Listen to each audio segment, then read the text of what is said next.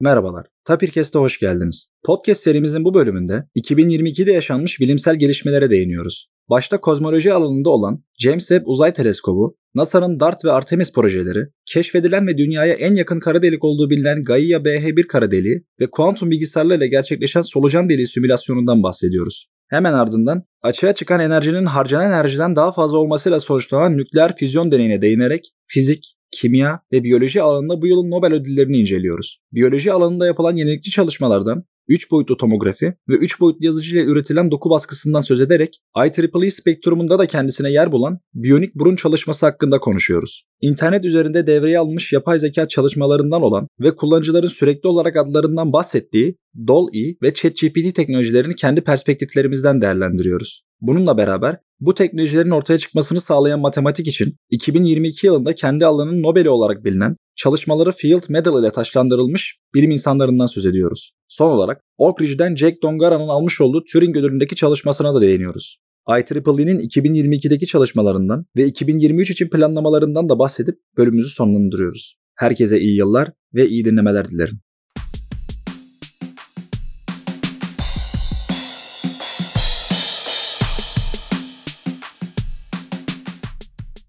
Ege hoş geldin. Hoş bulduk. Seda hoş geldin. Hoş bulduk.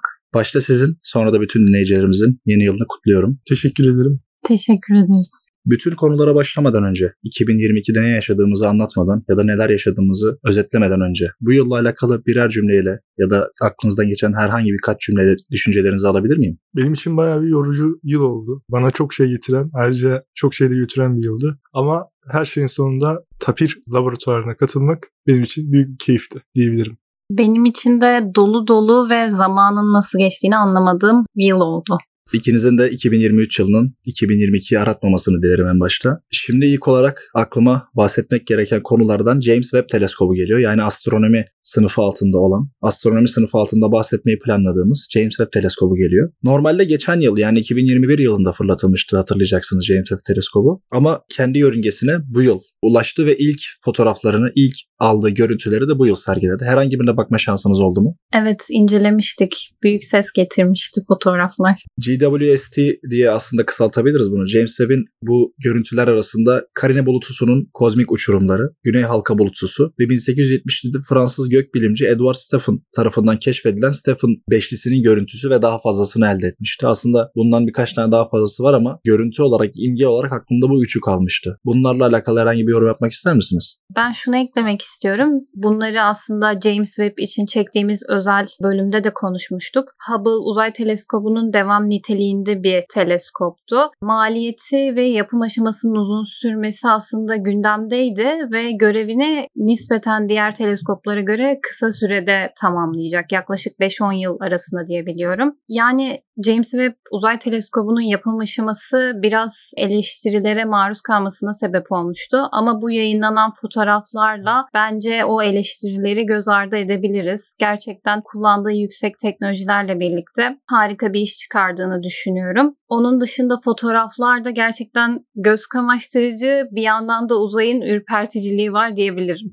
Uzayın ürperticiliği denince aslında belki de bütün insanoğlunun aklına gelen yarın bir gün bizi bir göktaşı ezebilir mi? Bir göktaşı gelip dünyada mevcut durumda dinozorlara yaptığı gibi bir extinction'ı tetikler mi düşüncesi aklıma geliyor. Bu söylediğinle alakalı da NASA bu sene DART projesini geliştirdi. DART projesindeki amaç bir asteroide çarparak asteroidi gittiği yörüngeden ayırmaktı. Keza başarılı da oldular. İlk başta amaç başarılı bir şekilde çarpışmayı gerçekleştirip istenilen hedefte, istenilen konumda gerçekleştirip ardından asteroidin gittiği yönü belirlemekti.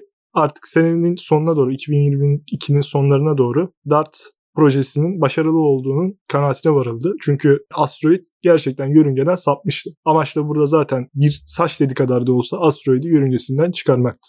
Yani dünyaya çarpması beklenen bir asteroidin yönünü değiştirebilmek gerçekten muazzam bir şey ama yönünü değiştiremeyeceğimiz büyüklükte şeyler olduğunda gelecekte neler yapacağız bu da beni meraklandırıyor açıkçası. Bununla alakalı olarak da bu sene Artemis adlı projenin 3 fazından bir tanesi gerçekleştirildi. İlk fazı gerçekleştirildi. İlk fazında amaç aracın düzgün bir şekilde, sağlıklı bir şekilde Ay'a ulaştırılmasını sağlamaktı. Aslında Artemis projesinin ana amacı da zaten Ay'a insan gönderip oradan insanı tekrar dünyaya geri döndürmek. Ayrıca bu konuda da NASA kendi sitesinde bir bölüm açarak insanları uzaya göndereceğini söylemişti. Çok reklam içeren bir hareketti ama ismimizi bir USB bellek ya da herhangi bir flash bellek içerisinde böylece uzaya da yollamış olduk. Teşekkürler Ege. Senin anlattığın Artemis projesi gibi diğer projelerin de yani şu anda her ne kadar 2022'de devreye alınmamış dahi olsa bunlar temel fikri tahmin ediyorum insanın artık dünya dışı bir gezegende de yaşama isteği. Ancak uzayla alakalı böyle heyecan verici kavramlar olsa da bu yıl benim uzayla alakalı en korkutucu olduğunu düşündüğüm kavramlardan biri olan kara delik ile ilgili bir gelişme de yaşandı. Gaia BH1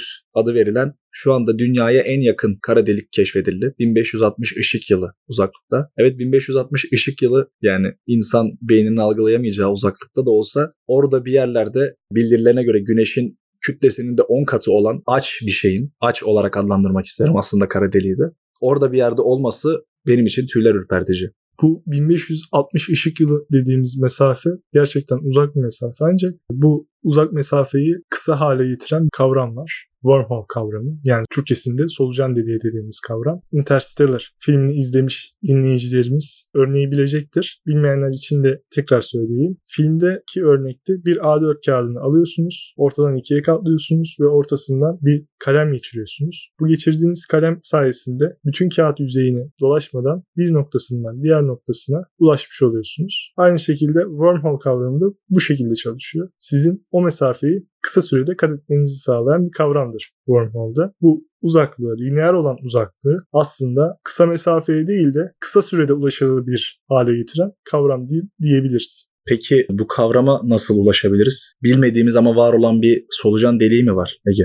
Hayır, dünyamızda aslında biz bunun bir simülasyonunu oluşturduk. Kuantum bilgisayarlar kullanarak biz sanal bir evrende aslında bir wormhole oluşturduk. Bu da 2022 yılında gerçekleşen bilimsel gelişmelerden bir tanesi. Teşekkürler Ege. Uzay konu başlığı altında verdiğin son örnek için de çok teşekkür ederim. Şimdi aslında 2022 yılın en çığır açan çalışmalarından birinden bahsedeceğim. O da Lawrence Livermore Ulusal Laboratuvarı'nda yani Lawrence Livermore National Labs'te ilk defa açığa çıkan enerjinin harcanan enerjiden daha fazla olduğu nükleer füzyon deneyi gerçekleştirildi. Bu da aslında ne anlama geliyor? Bize hep lisede şey denirdi belki hatırlayacaksınız. Belki dinleyicilerimiz de hatırlayacaktır. Enerji vardan yok, yoktan var olamaz aslında termodinamiğin kanunlarından biri olan enerjinin korunumunu bu şekilde açıklamışlardı bize lisede. Bu şunu gösteriyor aslında. Harcanan enerjinin ortaya çıkan enerjiden daha az olması. Bir denklem düşünmek gerekirse sol taraf sağ taraftan daha düşük. Yani aslında A kadar enerji harcadığımızda A artı 1 kadar enerji açığa çıktığında burada aslında yoktan var edilmiş bir enerjiden bahsediyoruz. Bu da aslında temel ölçüde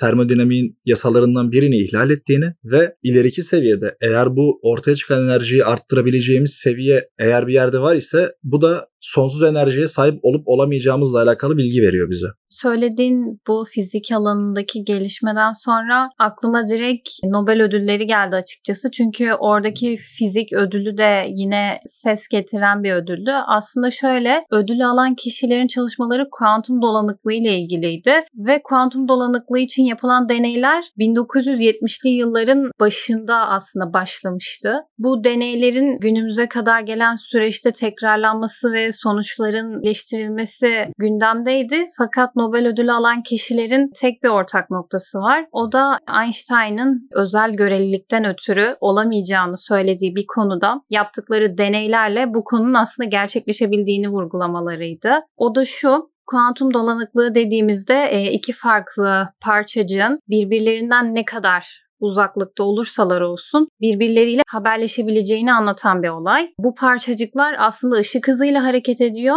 ama birbirleriyle haberleşebildikleri için de ışık hızından daha hızlı haberleşebildiklerini görüyoruz. Einstein'ın özel göreliliğine de bu açıdan karşı duruyordu bu çalışma. Diğer Nobel'lere de aslında kısaca değinmek istiyorum. Kanalımızda yakın bir zamanda Nobel ödüllerinin değerlendirilmesi ilgili bir podcast'te yayınlanmıştı. Nobel Kimya Ödülü de Click Chemistry çalışması çalışması ile ilgiliydi. Bu aslında tamamen kimya ile alakalı bir çalışma içermiyordu. Biyoloji alanı ve hatta fizik de barındıran bir çalışmaydı. Şöyle özetleyebiliriz. Kanserli bir hücreyi yok etmek için tedavi alan bir kişinin diğer hücreleriyle zarar görmeden sadece uygulanan tedavinin kanserli hücreye uygulanmasını istiyoruz. Bu açıdan değerlendirebilirsek biyoortogonal olarak adlandırılmıştı. Biyolojik olarak diğer bileşenleri etkilemeden istenilen etkene müdahale edilmesi olarak adlandırabiliriz ki bu fizyoloji, tıp ve ilaç sektöründe yine ses getiren bir gelişmeydi.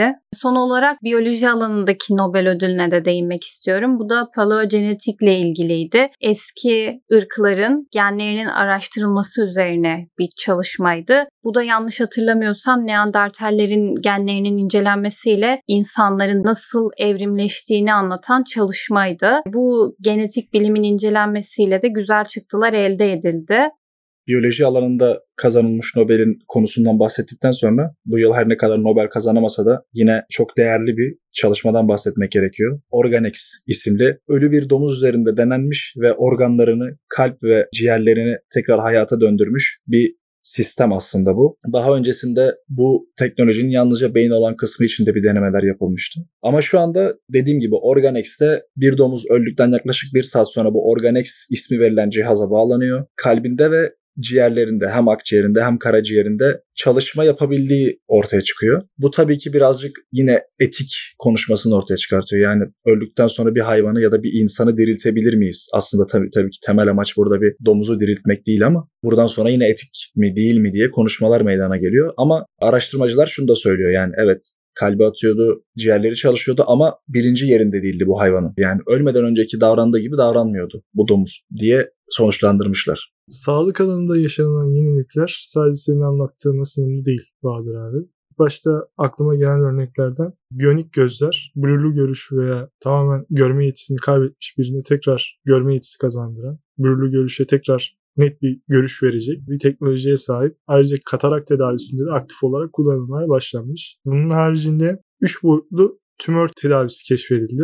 Eskiden bizim normal hastanelerde alışık olduğumuz bilgisayarlı tomografi dediğimiz sistem, iki boyutlu sistem artık üç boyutlu hale taşındı. Ve üç boyutlu halde artık doktorlar, hekimler sanal gerçeklik yardımıyla bu tümörü 3 boyutlu halde inceleyip şeklini ve bölgesini, bulunduğu bölgeyi vücut üzerinde tespit edebiliyorlar. 3 boyutlu dünyadan bahsetmişken 3 boyutlu yazıcılar da artık her geçen gün biyolojik alanda da kendini ilerletiyor. Doku baskısı konusunda hala gelişiyorlar ve bu sene insan akciğerinin küçük bir parçası bu sene üretildi. Ayrıca çocuk felci gibi sorunlarda da yapay zeka destekli iskeletler oluşturuldu. Tabi bunların ilk başında yapay zeka destekli iskeletlerin ilk başında yapay zeka destekli protezler vardı. Çünkü yapay zeka destekli protezler sizin hangi hareketi nasıl, ne zaman yapacağınızı tahmin eden, sizden hangi hareketi nasıl yaptığınızı öğrenerek sizin hareket edişinizi daha çok kolaylaştıran yapı oluşturdu. Özellikle de engelli ampute vatandaşlar için. Yani aslında bahsettiğin biyonik uzuvlar artık üzerine monte edildiği insanın nasıl hareket ettiğini öğrenip onun kendi vücudunun bir uzvuymuş gibi davranmayı öğrenebiliyor. Yani günlük hayatta kendisinin yapacağı davranışları da, kendisinin yapacağı hareketleri, eylemleri de daha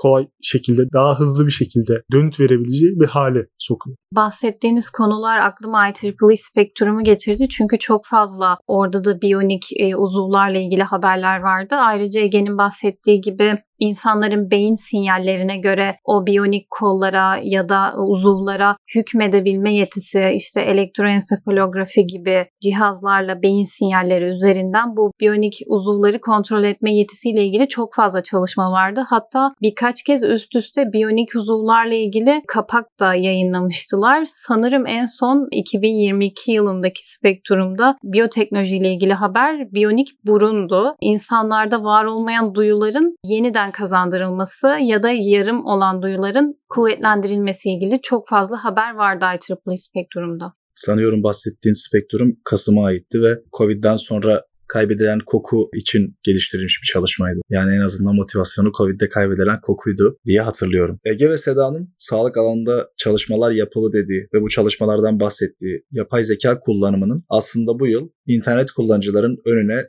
tam olarak sunulduğu yıllardan bir tanesiydi. Evet her ne kadar Ege'nin ve Seda'nın az önce bahsettiği kullanım alanları insan hayatında çok daha etkin olsa da ya da çok daha etkili bir yerde olsa da insanların bu yapay zekanın ne oranda geliştiğini birinci gözden görmesi için çok harika iki teknoloji başladı web üzerinde. Bunlardan ilki Dall-E teknolojisi. Bölümün başında bahsettiğim o James Webb'in çektiği mükemmel fotoğrafları eğer doğru kelimeleri yazarsanız çizdirebileceğiniz bir program Dall-E. Orada zaten örneklerini de veriyor siteye girdiğiniz zaman. Örneğin hamburgerin içinde mumun arkasında bekleyen küçük bir Shiba gibi çok da akla yatkın olmayan bir cümle yazdığınızda arkasında çalışan yapay zeka onu olabildiğince iyi bir fotoğraf haline getirmeye çalışıyor. Bunun ötesinde daha önce bunun nasıl çalışır serilerimizde podcast'inde çektiğimiz ChatGPT tabii ki bahsetmeden olmaz 2022'nin belki de yakın zamanda çıktığı için belki de sorulara bir insanmış gibi yanıt verebildiği için çığır açan ve hala akılda ilk günkü gibi tazeliğini koruyan teknolojilerden bir tanesi diyebilirim ChatGPT için. Çünkü hala hatta bu podcast'te hazırlanırken bile 2022'deki önemli olayların hatırlamadığım çünkü artık biliyorsunuz özellikle yani ben şöyle hissediyorum. Covid çıktığından itibaren bir yılda çok fazla olay oluyor. Ben yılın en başında olan olayları hatırlayamadığımı fark ettim. Onları hatırlayabilmek için Google içerisinden arama yapmak yerine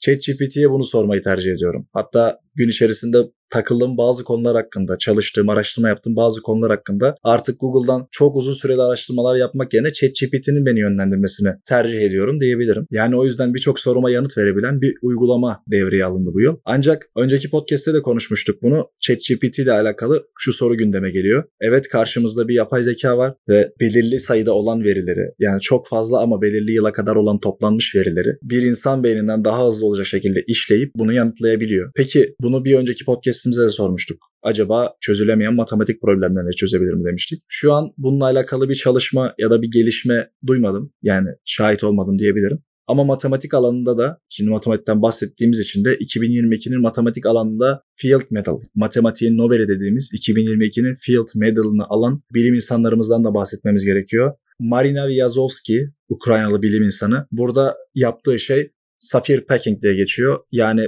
belirli bir hacme ne kadar fazla safir sıkıştırabiliriz. Aslında tabii ki bu bununla sınırlı değil ama problemin özetle anlatıldığı şekli bu. James Maynard da bu Field Medal'ı alan bilim insanlarından bir tanesi. O da aslında şu anda duyduğumuzda ya da dinleyicilerimiz duyduğunda bu zaten çok açık bir şey diyebileceği asal sayılar içerisinde onluk tabanda içerisinde 7 bulunduran sonsuz sayıda asal sayının olduğunu ispatladı. Bu matematiksel ispatını yaptı James Maynard. Bu iki Field Medal 2022'nin matematik alanında en öne çıkan çalışmalarından iki tanesi de bunlardı ki zaten iki bilim insanı da Field Medal ile ödüllendirildi. Bu iki bilim insanının yaşça genç olması da dikkat çeken bir haber diye biliyorum Bahadır abi. Evet ikisi de 40 yaşın altında. Matematiğin Nobel'i deyince Field Medal'a benim aklıma düşü geldi. Bilgisayar bilimlerinin Nobel'i olarak adlandırılan Turing ödülleri. Geçtiğimiz podcastlerde de konuşmuştuk. 2021 Turing ödülü Jack Dongare'ye gitmişti ve kendisi matematik alanında, matematik ve bilgisayar bilimleri alanında çalışıp lineer cebir için geliştirdiği yazılım paketleriyle bu ödülü kazanmıştı. Kendisi Oak Ridge Ulusal Laboratuvarı'nda araştırmalarına devam ediyor. E, ayrıca bu laboratuvarın 2022 yılına kattığı diğer bilimsel gelişmelerden de aklıma ilk gelen Frontier e, süper bilgisayarı. Bu bilgisayarda e, yanlış hatırlamıyorsam şu anda var olan en güçlü süper bilgisayar en güçlü ikinci süper bilgisayar. Daha önceki bölümlerde de Serhan hocamız bundan bahsetmişti. Birincisi için tam bir bilgimiz yok ama kendisinin de söylediği gibi büyük ihtimalle askeri sebeplerle, askeri nedenlerle kullanılan bir bilgisayardır birincisi de. Bu bilgisayarı 2022 TUAK'tan hatırlıyorum aslında. Şöyle yine Ridge Ulusal Laboratuvarı'nda görevli olan Peter Fur TUAK 2022'de bir keynote gerçekleştirmişti. Keynote konuşması gerçekleştirmişti. Bu konuşmasında Ridge Ulusal Laboratuvarı'nda yapılan hemen hemen her çalışma ve o çalışmaların yapıldığı alanlarla ilgili detaylı bir sunum gerçekleştirmişti. O sunumun bağlantısını açıklamalara ekleriz. Gerçekten herkesin izlemesini tavsiye ediyorum. Burada da TUAK'a değinmiş olduk. TUAK biliyorsunuz IEEE Türkiye tarafından gerçekleştirilen IEEE Türkiye PDA tarafından da desteklenen bir undergraduate academic conference. Bu da Serhan Hoca ve Ali Hoca'nın koordinatörlüğünü yürüttüğü bir topluluk. Professional Development and Educational Activities. Kendileri Türkiye koordinatörlüğünü yürütüyor. TUAK ilk olarak 2021'de gerçekleştirmişti. 2022 ilk yıla göre aslında katılımcı sayısı olarak azdı. Fakat orada da keynote konuşmaları bence damga vurmuştu. 2023'te de TUAK konferansının yapılacağını biliyoruz. Planlandığını biliyoruz daha doğrusu. Ben de Umarım bu sene katılırım çünkü katılmayı da çok istiyorum. Gerçekten lisans öğrencileri için çok güzel bir fırsat Ege. TUAK 2022'nin keynote konuşmalarından bahsetmiştim. Peter Fur'un yanında iki keynote konuşması daha gerçekleşmişti. Biri yapay zeka ve makine öğrenmesiyle ilgiliydi. Diğeri de Dr. Konrad Atar tarafından gerçekleştirilmişti ki kendisi Regionate'de Professional and Educational Activities Subkomite Başkanı. Buna şu yüzden değinmek istedim. Kendisi Regionate'de Educational Activities adı altında birçok program geliştiriyor. Hatta e, robot yarışması var. O da çok gündeme gelmişti geçen yıl. Bir program daha var şu an Region 8'de aktif olarak yürütülen. O da Local Language Ambassador yani yerel dil elçisi diyebiliriz. Bu program seçilen elçinin yerel olarak bir dili tanıtması üzerine geçtiğimiz haftalarda duyurmuştuk aslında. Tapirkes'te yayınlanan IEEE Spectrum bölümlerinin Türkçe olarak gerçekleştirilmesiyle aynı zamanda IEEE Türkiye'deki EA aktivitelerini yürütmesiyle Serhan Hoca'ya bu e, elçilik atanmıştı. Kendisini tekrar buradan tebrik ediyoruz. Evet zaten bununla alakalı da daha detaylı olan bu lokal ambassador'ın tam olarak görevinin ne olduğuna dair yalnızca Türkçe değil diğer dillerdeki lokal ambassador'ların da ne yaptığına dair bir bölüm çekmeyi de planlıyorduk. Gerçekten dolu dolu bir bölümdü. Belki de konuşmadığımız, konuşamadığımız bir sürü bilimsel gelişme var. Evet benim de aklıma gelen hatta konuşurken bunu da mı acaba ekleseydik dediğim birden çok bölüm var ama dediğimiz gibi artık dinleyicilerimize sıkmak istemiyoruz. Ben ikinize de teşekkür ederim. Ben teşekkür ederim. Ben teşekkür ederim. Başta size sonra da dinleyicilerimize çok iyi bir 2023 yılı diliyorum. Umuyorum 2023, 2022'de geçirdiğiniz kötülüklerin hiçbirini ya da şanssızlıkların hiçbiriyle sizi yüzleştirmez. Özetle umuyorum herkes için eşsiz bir yıl olur.